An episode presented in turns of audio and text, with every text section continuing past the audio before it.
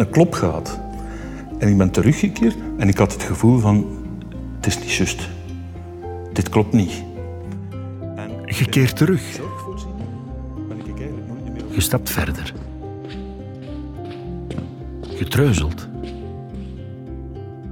Je versnelt. Je rent. Je botst. Dit is Over de Drempel, een podcast van GTB waarin ik stap. Op sommige stappen terugkeer, soms wat treuzel, maar vooral de weg bewandel van en met iemand die tegen drempels botst. En voelt dat ze ook opstapjes kunnen zijn. Ik, ik ben Dominique van Malder. Ik maak theater, televisie en ook radio. Op televisie, met Radio Gaga. En nu hoor je me dus hier. Vandaag praat ik met deze man. En dat heeft mij niet losgelaten.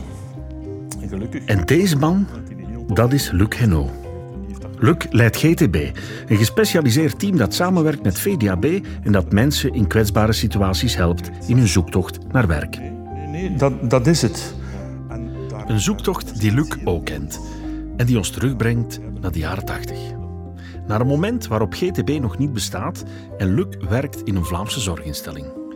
Het brengt ons naar Ierland, naar het dorpje In het dorpje Monasterheaven, buiten Kildare, 30 kilometer van Dublin. Daar mag Luc gaan spreken op een conferentie over de zorg in Vlaanderen, samen met een collega.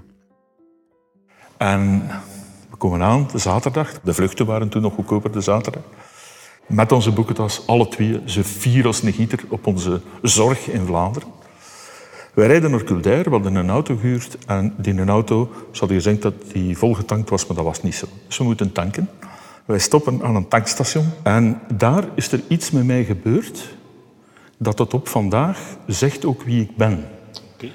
Er komt een heel vriendelijke jonge man die zegt, full?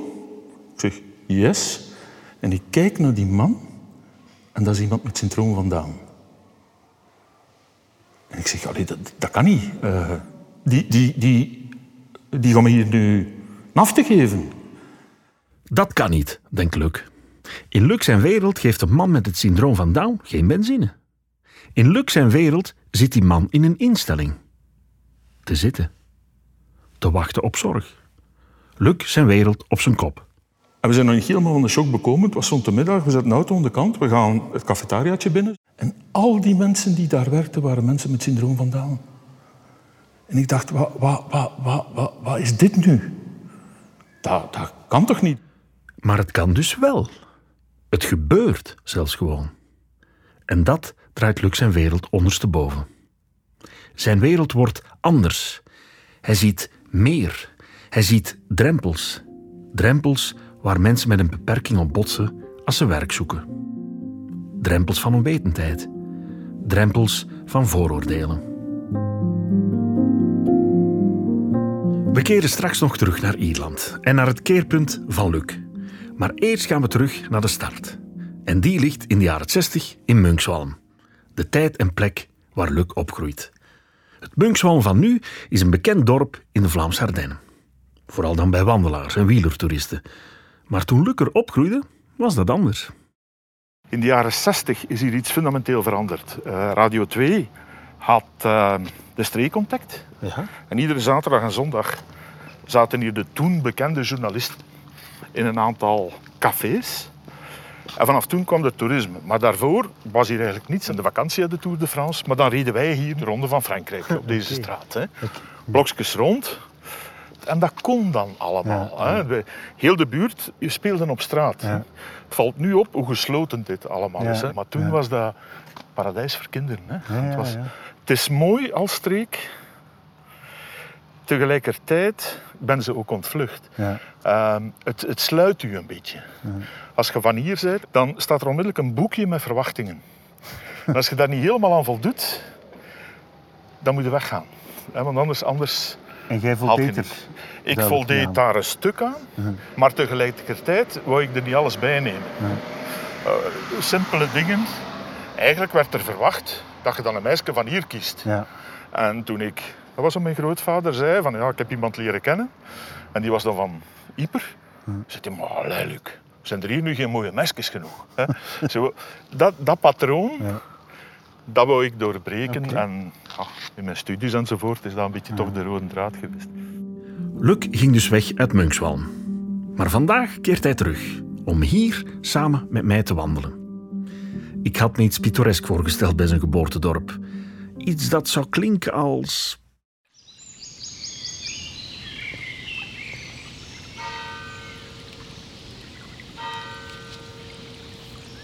Maar in de plaats hoor ik dit.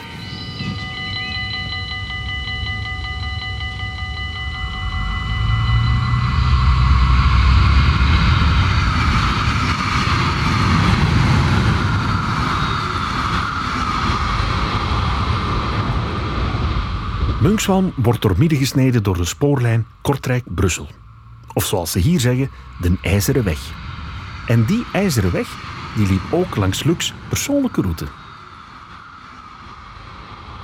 Ja, en dan, dan die treinen die stopten hier, hè, straks rond, rond vijf uur. En dat was ja, iemand van de administratie in Brussel, een baas van ik weet niet wat, een arbeider van de stovenfabriek van Estor Martin. Die kwamen het café binnen.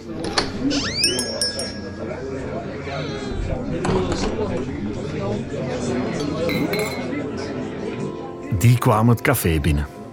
Café bij Vermeulen. Café werd afgebroken, maar Luc laat me toe in zijn hoofd en zijn herinnering. Hij omschrijft de geur van toen. Een mix van bruine zeep, trappist en Franse kaas. En ook hoe het eruit zag. Een typisch Vlaams dorpscafé waar een kruis hing. Plus het reglement van de dronkenschap. De wet op de dronkenschap van 1908 of zo hing ingekaderd. Er stonden rode tafeltjes Een hele mooie toog. En achter die toog Germaine, de grootmoeder van Luc. Tot zijn vijf jaar woonde Luc met zijn ouders bij haar en bij zijn grootvader in. Het café zal voor hem altijd blijven voelen als een echte thuis. Het is de plek die hem gemaakt heeft tot wie hij geworden is. En ehm, het eerste dat je zou gehoord hebben, en dat is iets wat ik tot vandaag meeneem. Wat ik van mijn grootmoeder meegekregen heb toen de mensen binnenkwamen in het café. Ik heb haar nooit horen vragen wat drinkt. Maar zij vroeg, wat kan ik voor u doen? Die kwamen het café binnen. En eigenlijk wist mijn grootmoeder exact wat dat die allemaal dronken. Maar die vroeg, wat kan ik doen? Oh, we gaan niet drinken, Germain. En dan moest zij niet vragen wat. hè. Dan hadden een, een- twee pintjes, een, een bruine roman. En die dronken één, twee pinten. Als ze te lang bleven en ze werd dronken, dan was het ook mijn grootmoeder die zei, je hebt nu genoeg gekregen. Ga naar huis, uw vrouw wacht op u. Ah, ze is altijd goed voor u. Ga maar naar huis nu. Ik zal u nog een koffie maken en een, eh, of, of wat water geven. En als ze buiten gingen, toen zei ze altijd in dialect snorendiensten. Sorry? Snorendiensten. Dat was zo. Vertaal. Tot uw dienst. Oké. Hè, tot jullie dienst. Oren, jullie, Ja. tot, snorren, Ja. diensten. Tot uw dienst. En dat, dat is voor mij de hele filosofie van het management, nog altijd van GTB. Wat kan ik voor u doen? Tot uw dienst. Ja. Dat is voor mij veel belangrijker dan welke managementboek dan ook. En dat heb ik van haar geleerd. Als leidinggevende en als directeur, als manager van een organisatie, wil ik nog altijd mijn grootmoeder zijn. Wat kan ik voor u doen?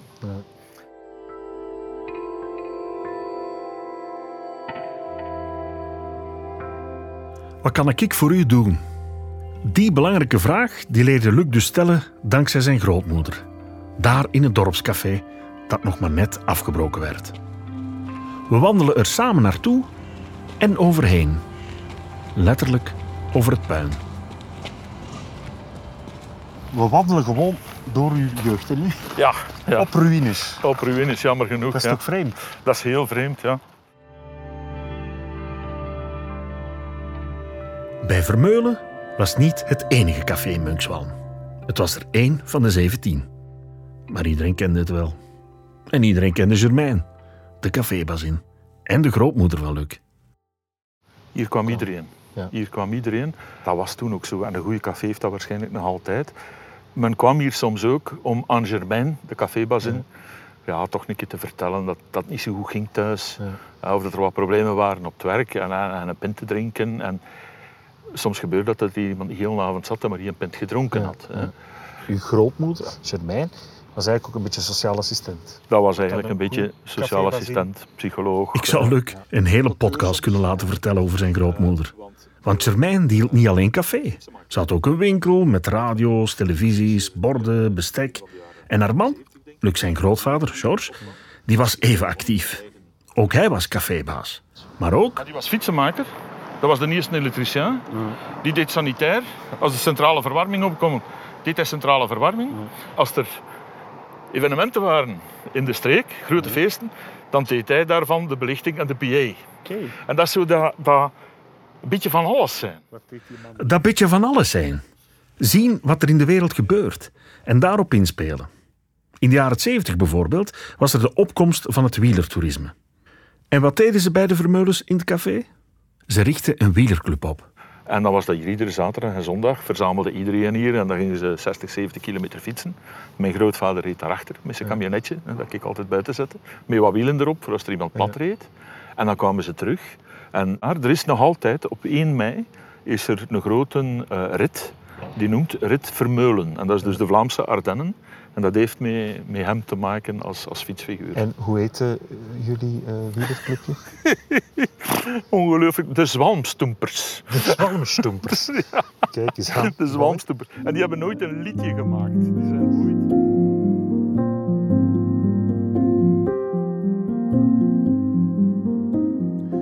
Er was een café en er was een grootmoeder. En er was altijd heel veel te doen. En de kleine Luc, die deed altijd gewoon mee. Met dat beetje van alles. Stelt dat je één dag zou mogen herbeleven uit de periode van je jeugd. Ja. Welke dag zou dat zijn? Oh, zo'n woensdag, hè. De woensdag? Zo'n zo'n woensdag in de vakantie, Ja. dat ik samen met mijn grootmoeder in de voormiddag die gasronde deed. Hè. Als tienjarige knaap, hè, met, met een auto. Giel dat dorp hier rond. Haar ontlasten, want zij moest geen pullen dragen, dat ze anders wel moest doen. Zij ging gewoon met een hele grote portemonnee bij de mensen binnen. En we hadden ook heel dorp gezien. Hè. Ehm, en er is één woensdag, het was zo warm. En iedere keer moeten die een deur van een auto uit doen te stoppen. En dat was soms om de twee huizen. En na de eerste ronde kwamen we terug vullen. En mijn grootvader zei, het is warm zeker. Airco en zo, dat bestond nog niet hè, in een 2 pk'tje. Ja, het is zeer warm. En hij deed er de deuren af. En wij reden dus rond, mijn grootmoeder, ja, toen toch al in de 60. Ik tien jaar, zonder deuren, met een auto vol met, met gas. Hè. Eh, en als we dan terugkwamen, ja, dan was ze content. En dan, ja, dan was ik hier, hè. Dan, dan bleef ik helpen. Helpen. Dat was misschien wel het belangrijkste wat Luc hier leerde en zich eigen maakte. Helpen in de kerk als misdienaar, helpen bij de Giro als leider, helpen bij de jaarlijkse zwaluwfeesten in de parochiezaal, helpen, zoals hij dat van zijn grootmoeder Germain geleerd had. Snorren Linksten. Ik organiseerde quizavonden avant la lettre. Of, of spelnamiddagen, hè, waar dat er 1500 man naartoe kwam. Die ik presenteerde samen met Marijn de Valk bijvoorbeeld. Hè. Marino Falco. Met Marino Falco, ja. Dat, voor mij is dat Marijn. Ja. Hè. We hebben verschillende keren met elkaar gewerkt. En, en ja, dat, dat, was, dat was leuk. Ik heb dan eh, een tijd voor, ik vind het nog altijd een schitterende bluesgroep, die nogal veel gevraagd werd over benefiet. Er was dus altijd veel te doen. En Luc deed dus altijd mee. En hij hielp. Zelfs als hij niet wist hoe, dan nog hielp hij. Bijvoorbeeld als DJ. Ik kende niet van muziek. Ik, ik kan niet dansen. Dus ik moest mijn tante mee hebben om de plaatjes te zoeken. En dus ging de tante mee. En ze zocht de plaatjes. Want helpen, dat zat in de familie. En de onkel, die hielp ook. Die deed de techniek. Maar dat werd zo populair dat dat, dat, dat ontspoorde bij- bijna.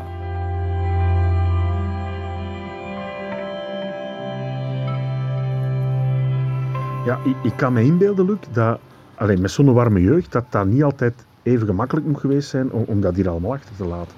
Om, om, om de wereld in te trekken. Ah, Ik kan me voorstellen dat jij toch een grote drempel zijn moeten overgaan. Ja. Ja, maar tegelijkertijd... ehm een drempel is, is iets, iets een beetje negatief. Het klinkt ook zo een beetje. Hè? Voor, mij, voor mij is het ook een opstap geweest om dit te kunnen verlaten. Hè?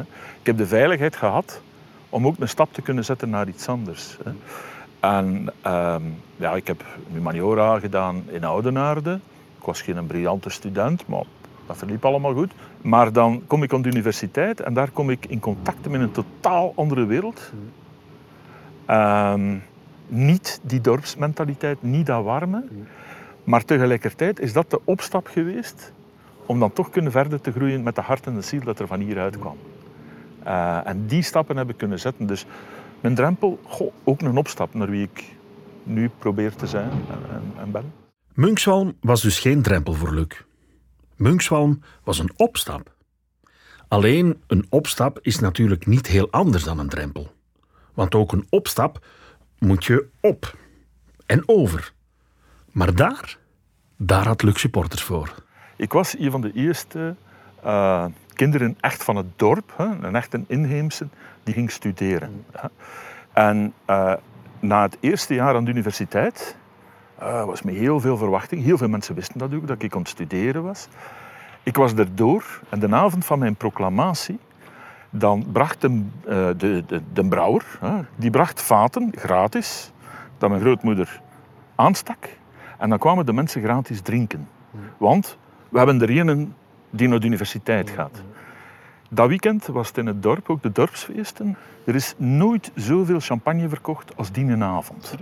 Ja, dat was zo, wauw. Ja. Eindelijk. We hadden wij ook een dokter, maar ja, die kwam van Gent. Ja. En bij de politie zat er ook al iemand die officier was, maar ja, die kwam... Maar dat was een van ons die naar de universiteit gaat. Dat is ongelooflijk, dat meemaken. Zo. Die een brouwer die hier toe komt, drie vaten bier, iedereen mag gratis drinken.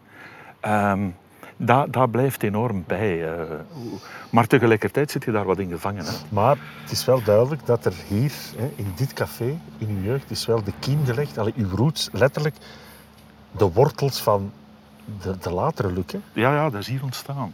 Ja. ze zeggen wel eens dat als je je eigen stal kent, ken je ook de wereld. Ja, maar dat, dat, dat ja, ik geloof Klopt dat. Ja, ja, ja. ja, ja. ja. ja de, de, wereld is, is enorm groot, maar tegelijkertijd zo klein. Hè.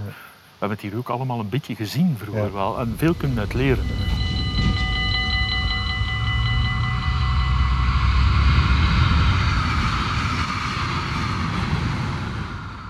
We wandelen weg van het café. De plek waar Luc Luc geworden is. En hij neemt me mee naar een ander eikpunt op zijn route. Naar hier. Parochiaal Centrum De Zwaalhoef. Ja. Hoe lang is dat geleden dat je over deze drempel zei? Ik denk bijna 30 jaar. 30 jaar? Ja. ja. Wow. Um, hier zat een toneelgroep die mijn vader leidde, samen met mijn moeder eigenlijk. Mijn zus speelde daarin. Mm -hmm. Waarvan ik een stuk de techniek en de belichting en zo mm -hmm. de tijd gedaan heb. Maar op een bepaald moment uh, ja, ben ik toch wel weggegaan uit deze streek en uit dit milieu. Ja. En ik ben hier sinds tien jaar niet meer geweest. Oké, okay, en de geur? Was het hetzelfde? Of? Ja, jij kent dat ook. Hè. Dat is de geur van, van een zaal. Hè. Van een parochiale ja, zaal. Ja, ja, ja. En dat was mijn plaatsje. Daar. Um, onder de kast van de elektriciteit, samen okay. met een onkel, daar zaten we met heel de technische installatie, ja. vol met spots en, okay. en klank. En... Gaan we ons even zetten? Ja. Dat is uw plaatsje daar? Ja. Allee, 30 jaar niet geweest. Ja. En wat zou de Luc van toen tegen de Luc van nu zeggen? Of omgekeerd? Hij zou mij nog kennen. Ja? Ja, ja. Um, want een aantal elementen uh, van, van die Luc van toen, die zijn er vandaag nog altijd. En die zitten mee in de hart en die ziel van de dingen die ik doe. Um, en dat is vaak zo een beetje toch wel proberen om wat, wat mijn weg te kunnen gaan bij een aantal mm. dingen. Samen met mensen en proberen om mensen mee te krijgen, maar zo niet de vaste bewandelde paden. Je bent er gaan studeren. Hè? Je hebt je route verlaten om te gaan studeren. Waar heb je gestudeerd? Sociaal agoog. Sociaal agoog. Dat is een, een, richting binnen de psychologie. Dus ik ben eigenlijk licentiaat psychologie en pedagogie met een specialisatie sociaal agoog. Okay. Want van psychologie zeggen ze toch... Ja, mensen die psychologie gaan studeren, daar scheelt toch wel iets mee. Ja, ja. Hoeveel, wat scheelt er aan Luc? Oh, er, scheelt ook wel. Ik heb eh, duidelijk mijn beperkingen. Eh, bijvoorbeeld dat ik nogal koppig ben, allee, en vurig ben als ik met een idee zit. Eh, en, en dat, maar ik ga het dan altijd ook wel proberen uit te werken. En ideeën om vurig en koppig uit te werken, die heeft Luc. Als student al. Hij is leider van de Giro en hij bedenkt dat lokaal dat wij hier hebben, wij gebruiken dat eigenlijk enkel op zaterdag en zondag. Dus waarom bieden wij dat niet aan aan mensen met een beperking, zodat zij dat tijdens de week kunnen gebruiken? Hij biedt het aan aan de directeur van een lokale instelling, maar die gaat er niet op in. En ja, ik vond dat, ik vond dat ongelooflijk, bij die die man een aanbod. En ik weet nog, als hij buiten ging, zei ik tegen hem, ik hoop dat ik u ooit in zo'n huis toch zal tegenkomen. Een beetje met colère zo. Hè. Maar bon, zeven jaar later, gestudeerd, twee jaar aan de universiteit gewerkt, is daar een plaats vrij, ik solliciteer. En op het einde van het gesprek zegt die man tegen mij, Luc, we gaan elkaar ooit in zo'n huis tegenkomen. Jij mocht dat opstarten. We hebben daar een bungalowtje gehuurd en we gaan daar met drie mensen naartoe. Je mocht dat mee opstarten. En zo komt Luc in de zorg terecht. En via de zorg belandt hij in de jaren 80 in dat tankstation. Dat tankstation in Ierland, op 30 kilometer van Dublin, waar een man met Down-syndroom zijn tank vult. Dat is een shock voor Luc, maar ook een keerpunt. Zijn wereld wordt anders. Hij ziet dat er plekken zijn waar mensen met een beperking er gewoon bij horen. Waar die mensen gewoon een job hebben. Gewoon. Een gewone job. Dat doet iets met Luc. Maar voor hij er iets mee kan doen, moet hij eerst zelf over een drempel.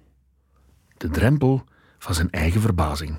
Ik zeg, allee, dat, dat kan niet. Eh, dat, zijn, dat zijn mijn klanten, mijn cliënten. Van, die, die, die, die moeten in een voorziening zitten en we moeten dat verzorgen. En we rijden naar die voorziening. Ik leer daar een Ierse psycholoog. Een wonderlijke man. En ja, ik, ik uit mijn eerste verwondering. En ik hoor dat die ook zo'n huizen hebben in de gemeente waar dat ze met drie wonen, zoals ik hier had mogen beginnen. En ik zeg, ik zou zo'n huis willen bezoeken. En die antwoordt daar nu niet op. Nu nadien, ik vraag dat nog een keer. Allee, ik zou zo graag een keer zo'n huis bezoeken. En als ik het de vijfde keer vraag, zegt hij, eh, Luc, be patient. Their house is not my house. I cannot invite you in their house. Zeggen, allee jongen, allee. Hè, psycholoog, directeur van zo'n instelling. Jij kunt dat toch wel voor mij organiseren? Ik zeg, sorry. Nee. Maar ik verstond dat niet. Als er mij iemand vroeg, mag ik er op bezoek komen? We organiseerden dat en de minister kwam op bezoek en, en die zei, dat gaat niet. Luc botst dus tegen een volgende drempel. Die van zijn eigen denkbeelden. En die denkbeelden zijn hardnekkig. Dat merkt hij als de bewoners van het huis, allemaal mensen met een beperking, hem uiteindelijk zelf uitnodigen om op bezoek te komen. Ik zit in een avond in dat huis. Ehm, en babbel, een thee en een cake. Op een bepaald moment, we waren heel vriendelijk, vier mensen woonden daar samen, is de eerste die recht staat uit de zetel en zegt I'm going to my pub. En die gaat weg. En tien minuten nadien nog één en ik ben daar blijven zitten. En ik zeg, wat doen die nu? Ah, dat zijn gewoon een pintje gaan drinken. Ik zeg zo, moet er niemand... Ik zeg, waarom gaan die op een verschillend tijdstip? Ja, maar zijn die stip die aan elk andere pub? En die ziet dat ik zo verwonderd ben en die zegt opnieuw, maar Luc zegt, allee, wat is dat met u? Dat is toch normaal? Ik zeg, ja, normaal, maar in mijn denkbeeld zit dat zo anders. Dat, eh, allee, dat, hier gebeurt iets met mij.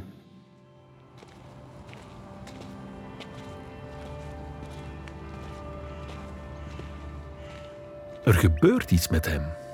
Daar in dat huisje in Ierland. Zijn drempel wordt een opstap. Luc beseft dat als je mensen met een beperking aanspreekt op wat ze kunnen, er dan veel kan. Veel meer dan er op dat moment in Vlaanderen gebeurt. Terwijl hier hadden we leefgroepen. En wij organiseerden ook inspraak. De maandag was er kringgesprek en dan mochten ze kiezen met, met, eh, met fotootjes. Gaan we donderdag naar de cinema of gaan we volleyballen of gaan we gaan zwemmen? En als ze dan gekozen hadden, met de autobus voerden we ze. Hè, er gelukkig nog geen plakotje op, pas op gehandicapten hier. Hè, maar we voerden ze en we dachten dat dat inspraak was. En ik- ik had daar een model gezien dat helemaal anders. En die mensen konden werken, begot. En dat heeft mij niet losgelaten. En ja, ik ben daarin bijna doorgeslagen. Ik weet dat. En in die zin ben ik soms ook een beetje de vlo in de pels, ook in Vlaanderen, omdat ik mensen daarmee confronteer. hè.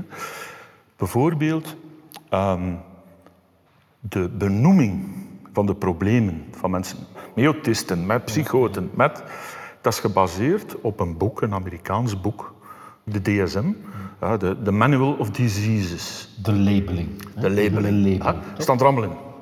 Maar dat is kijken naar het gebrek. Hè. Ik, eh, ik- dat wordt mij altijd kwalijk genomen als ik het zeg. Maar psychologen zijn vaak de masters van het gebrek. Hè. We worden ook zo opgeleid. Psychopathologieën delen. Op een examen. Goed jong, je hebt het gezien dat een autist was. Formidabel. Heel mijn opleiding hebben ze tegen mij gezegd. En heel onze sector zit daar nog mee vol. Wij leren wat ze zijn. En dat leren we herkennen. Komt iemand binnen in een rolwagentje, oh, fysiek gehandicapt. Komt iemand binnen met een syndroom, ah, hè. die zijn autist, die zijn Stempeltjes, hè. stempels. Dat leren wij. Maar daar gaat het niet over. Waar het echt over gaat, dat is wie kan hij of zij worden. Maar, maar ik zeg dat je binnen Vlaanderen een soort van pionier bent. Hè. Vaak wordt er, zoals dat je zegt, de nadruk gelegd op beperkingen, waar dat we eigenlijk moeten uitgaan van de onbeperktheid aan mogelijkheden. Ja. Ja. En dat wordt hier Ja. nog te weinig gedaan. Of is dat eigenlijk de geboorte van Ja. uw project Ja. eigenlijk? ja. En ik ben zo vaak nog terug geweest naar Ierland. Hè. En daar altijd weer diezelfde dingen gezien. En dat een stuk naar mijn eigen gebracht ook. Ehm, ik had daar een goede Ierse collega die niets anders deed dan bedrijven bezoeken. En ik dacht, ja, allee, wat, wat, wat is dat nu? En opnieuw bij een van die bezoeken vragen, mag ik meegaan met jullie voor middag? Ja, dat is goed. En we gingen op bezoek naar de National Bank of Ireland. En die deed een tour. Heel geïnteresseerd. Ah, meneer, oh, oh, hier werkt veel volk. En wauw, dat is een, waar zijn jullie nu mee bezig? En om half twaalf gaan we in het bureau van die HR-manager en die zegt, meneer, ik heb hier wat dingen gezien van de voormiddag. Het was maar een bezoek. Dat kunnen wij voor u doen, met mensen met een beperking. Dat gaat u zoveel kosten en dat werk gaat perfect uitgevoerd zijn. En tien dagen later belt hij een collega mij op en zegt, Luc, ik heb acht man binnen hè, in de Bank of Ireland. En ik dacht, maar man toch, hoe gaat dat? En toen zei hij, als je niet glimlacht, op het moment dat je belt, gaat het niet lukken. Want dat betekent dat je niet gelooft in je mensen. En dat is de voorwaarde. Gelooft het erin dat ze het kunnen? En wel zeggen, dan zijn zij de beste krachten om te werken. Maar je moet uitgaan vanuit dat geloof. Geloven. Dat is de basis. Niet vertrekken van de beperkingen, maar van de mogelijkheden. Dat geeft Luc mee aan de mensen die voor hem werken. Vertrek niet van wat niet kan. Vertrek van wat er wel kan. Of veel beter nog, vertrek van wat er allemaal zou kunnen. Vertrek van een droom. Eigenlijk moet je maar één vraag stellen aan de mensen die voor u zitten. Wat is uw droom? En luister naar die droom. En begint niet opnieuw tegen die mensen te zeggen, maar jongen toch, je zegt je te autist, of je zegt je te gehandicapt, of niet slim genoeg, of te dik, of te dun, of te oud. Nee, Niemand is arbeidsongeschikt. Nee, niemand is Iedereen is arbeidsongeschikt. arbeidsgeschikt. Ja, arbeidsongeschikt is nog altijd een officiële term van ons ministerie. Die moet weg. Dat bestaat niet. Wat is uw droom? En laten we samen aan die droom werken. De kracht van dromen. Het is een kracht die Luc vaak ziet, die straf en sterk is. Er is een jongen die binnenkomt, iemand met autisme, met een hele bijzondere band met zijn vader. En dat was in de periode dat Renault Vilvoorde gesloten was, met alle rellen hè, die er waren. Het is niet meteen de periode om te dromen van een job bij Renault. Maar dat is wel de droom van die jongen. En dat zegt hij ook. Met een uitgestreken gezicht. Ik wil de president, directeur, generaal worden van Renault België. Schiet ook in de lach, hè, Dominique? Nee, maar ik vind het mooi, hè? En als ik dat vertel, dan mag er 200 man zitten. Die 200 man schiet in een lach. Maar die psychologen zei, gaan we dat samen aan werken? Ja. En de psychologe gaat aan het werk. En samen komen ze erachter dat er een probleem is. Het probleem is dat er geen garage van Renault dicht genoeg is bij waar de jongen woont, maar wel een van Volkswagen. En dus vraagt de psychologe, zou je dat zien zitten? Zou je dat zien zitten? Formidabel. De persoon mag kiezen. Die persoon, iemand nogthans met een serieuze beperking, die zegt, mag ik er even over nadenken, ik ga je morgen terugbellen. Tien avond heeft hij een jongen met zijn vader gesproken. En zijn vader was een verzamelaar van Renault Oldtimers. En die wou zijn vader niet ontrouw zijn, met naar Volkswagen te gaan. Maar zijn vader zei, maar ja, tuurlijk, allee, het is hier niet ver van, ga maar naar Volkswagen. En de jongen gaat naar Volkswagen en loopt daar stage en keert terug naar de psychologe. En die merkt dat de jongen veranderd is, dat hij anders binnenkomt, rugrecht. Veel van de mensen met beperking komen wat gebogen binnen. Die, die zitten met een heel verleden waarop dat heel systeem tegen hen gezegd heeft, jij kunt dat niet. En je moet naar een speciale school. In, je moet die verslagen een keer lezen van de geboorte van die mensen. Problematische geboorte. Een moeilijke kleuter.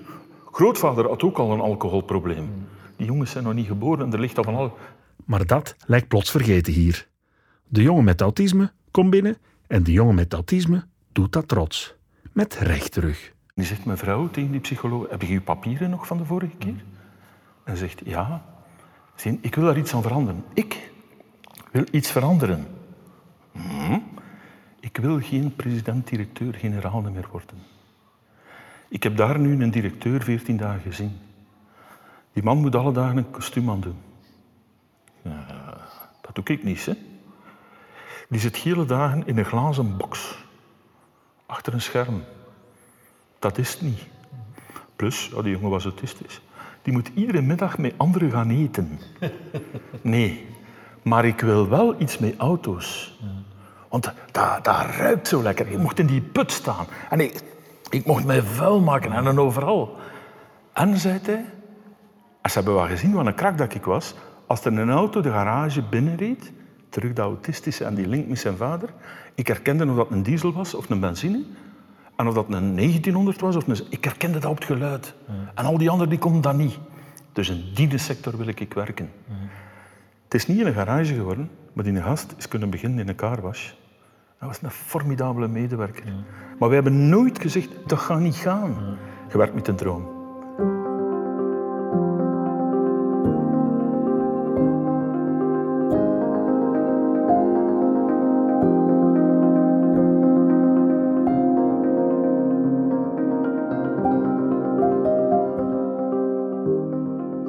Oké, eh, stel dat je een hele grote speaker hebt naar de hele wereld en je moogt een boodschap uitspreken. Ik weet dat je boodschappen meestal in de supermarkt doet. Maar wat zou de boodschap zijn aan de mensheid? Ja, iets, iets rond begint van die droom. Kijkt wie iemand kan worden. Een soort verkracht. Je laat mensen in hun kracht staan. En kijk naar die positieve competenties. Hè. En dan krijg je volgens mij, dat is mijn droom, een soort van inclusieve wereld. Voor mij begint inclusiviteit als diversiteit onzichtbaar wordt. Maar ze is er wel, maar je ziet ze niet meer. De dag dat je niet meer ziet dat je door iemand met Down-syndroom bediend wordt, dan zitten we in een inclusieve wereld. Maar het is er nog wel, die diversiteit, maar ze wordt onzichtbaar. Dat is een beetje mijn droom. Voilà. Nog een allerlaatste vraag, Luc. Wat kan ik voor u doen? Er een mooie podcast van maken. Dat gaan we doen. Merci, hè. Ja, oké, merci. Dit was Over de Drempel. Bedankt voor het luisteren. Vond je deze podcast interessant? Abonneer je dan op iTunes, Spotify of een andere plek waar je je podcast beluistert. En schrijf een review. Zo help je ook anderen om de podcast te vinden. Als je wilt reageren of als je een vraag hebt of zelf een verhaal wilt delen, dan kan dat ook via overdedrempel.gtb.be. Over de Drempel werd voor GTB gemaakt door Handelsreizigers in Ideeën, House of Media en Uitgesproken. Je vindt alle credits in de show notes van deze podcast.